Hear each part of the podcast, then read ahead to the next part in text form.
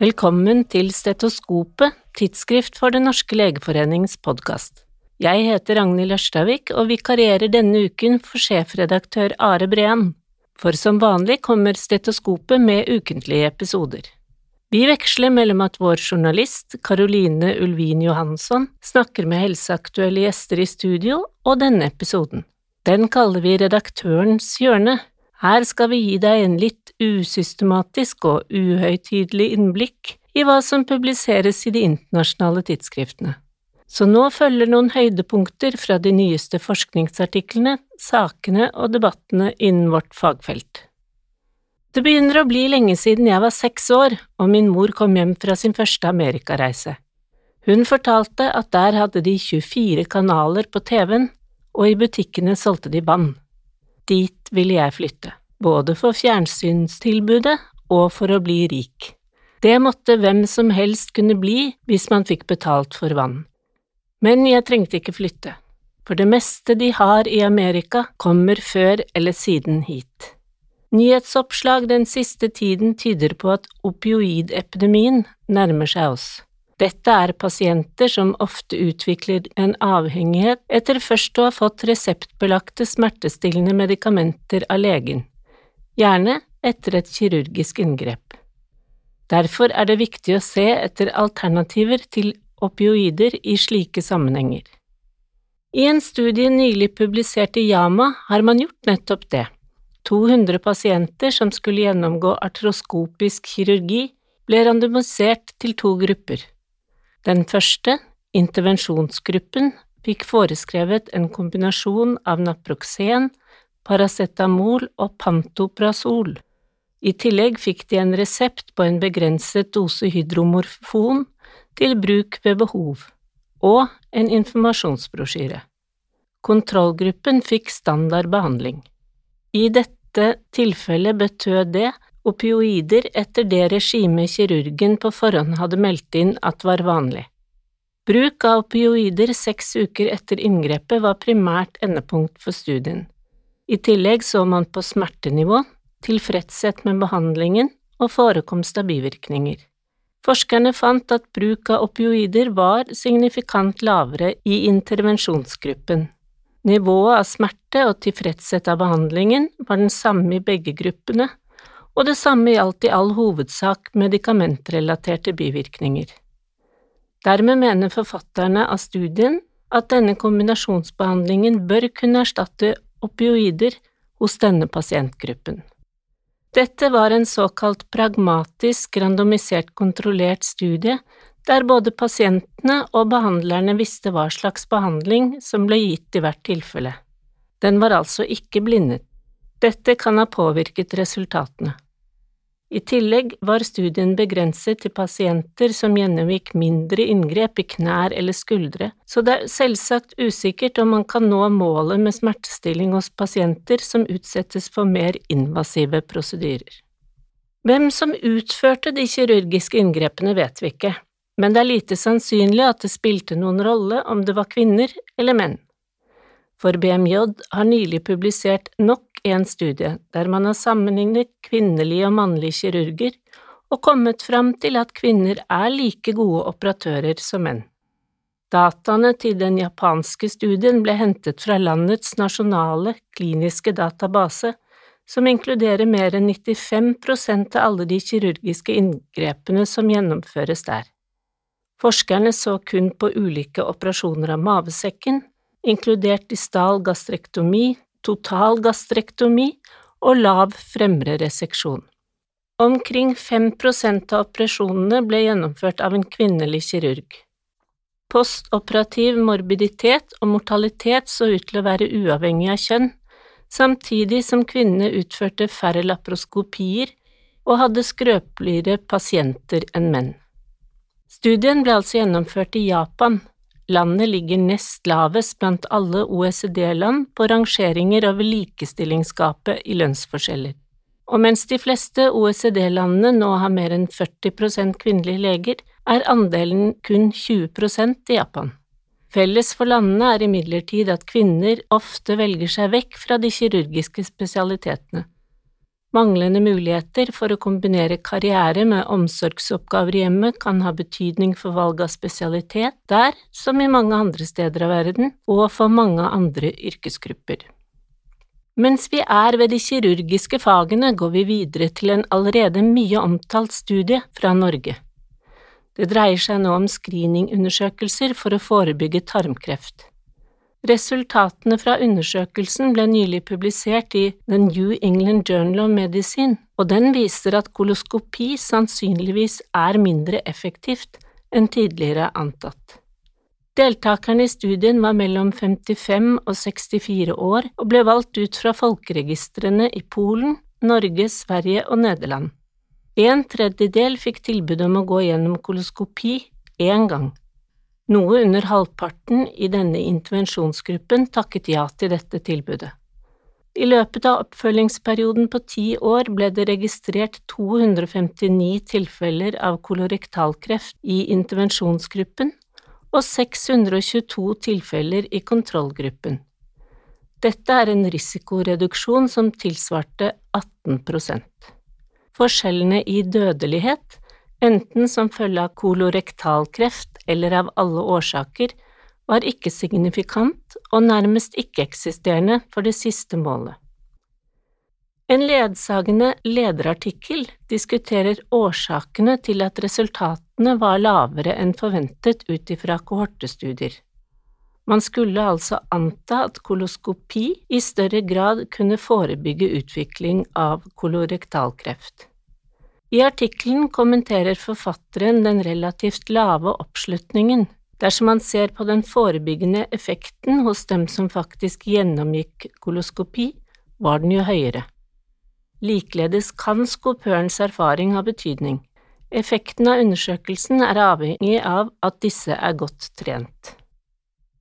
Vi holder oss til screeningundersøkelser, men går nå over til en helt annen sykdomsgruppe, Screening for å avdekke psykiske lidelser, inkludert selvmordsrisiko, er omdiskutert. Forfatterne av en lederartikkel i Yama drøfter effekten av slike screeningundersøkelser hos barn og unge. Slik kartlegging har, som de skriver, en selvsagt plass i spesialisthelsetjenesten. Nylig publiserte kunnskapsoppsummeringer konkluderer imidlertid med at universell screening i primærhelsetjenesten ikke er hensiktsmessig. Verktøyene er ikke gode nok, innsatsen blir for stor, og, ikke minst, apparatet som skal følge opp dem som eventuelt fanges opp, er rett og slett ikke på plass. Likevel er feltet kontroversielt og rådene fra ekspertgrupper ulike, for noe må gjøres. I USA er selvmord den nest vanligste dødsårsaken i aldersgruppen 15 til 24 år, med nesten 6000 dødsfall i året. Barn og unges psykiske helse får mye og velfortjent oppmerksomhet, også i The Lancet Psychiatry.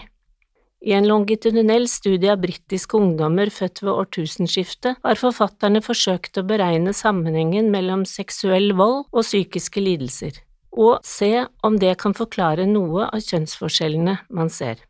5,3% av jentene hadde opplevd seksuelle overgrep det siste året, og nesten 20% uønskede seksuelle tilnærmelser.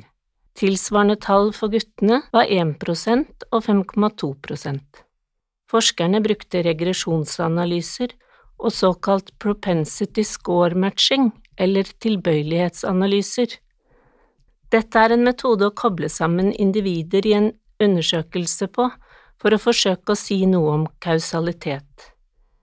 Det gjør man fordi det jo ikke er mulig å gjennomføre en randomisert studie når man skal se på forhold som dette. Forskerne fant så at en betydelig andel av psykiske lidelser kunne forklares gjennom opplevd seksuell vold, og at dette sannsynligvis er noe av, men ikke hele forklaringen til, årsaken til den større forekomsten av angst og depresjon hos jenter sammenlignet med gutter. Årsakene til psykiske lidelser er sammensatte. For de fleste formene, og især de mest alvorlige, er det godt dokumentert at genetiske faktorer har betydning. Men akkurat hvilke gener som spiller inn, er vanskelig å bestemme.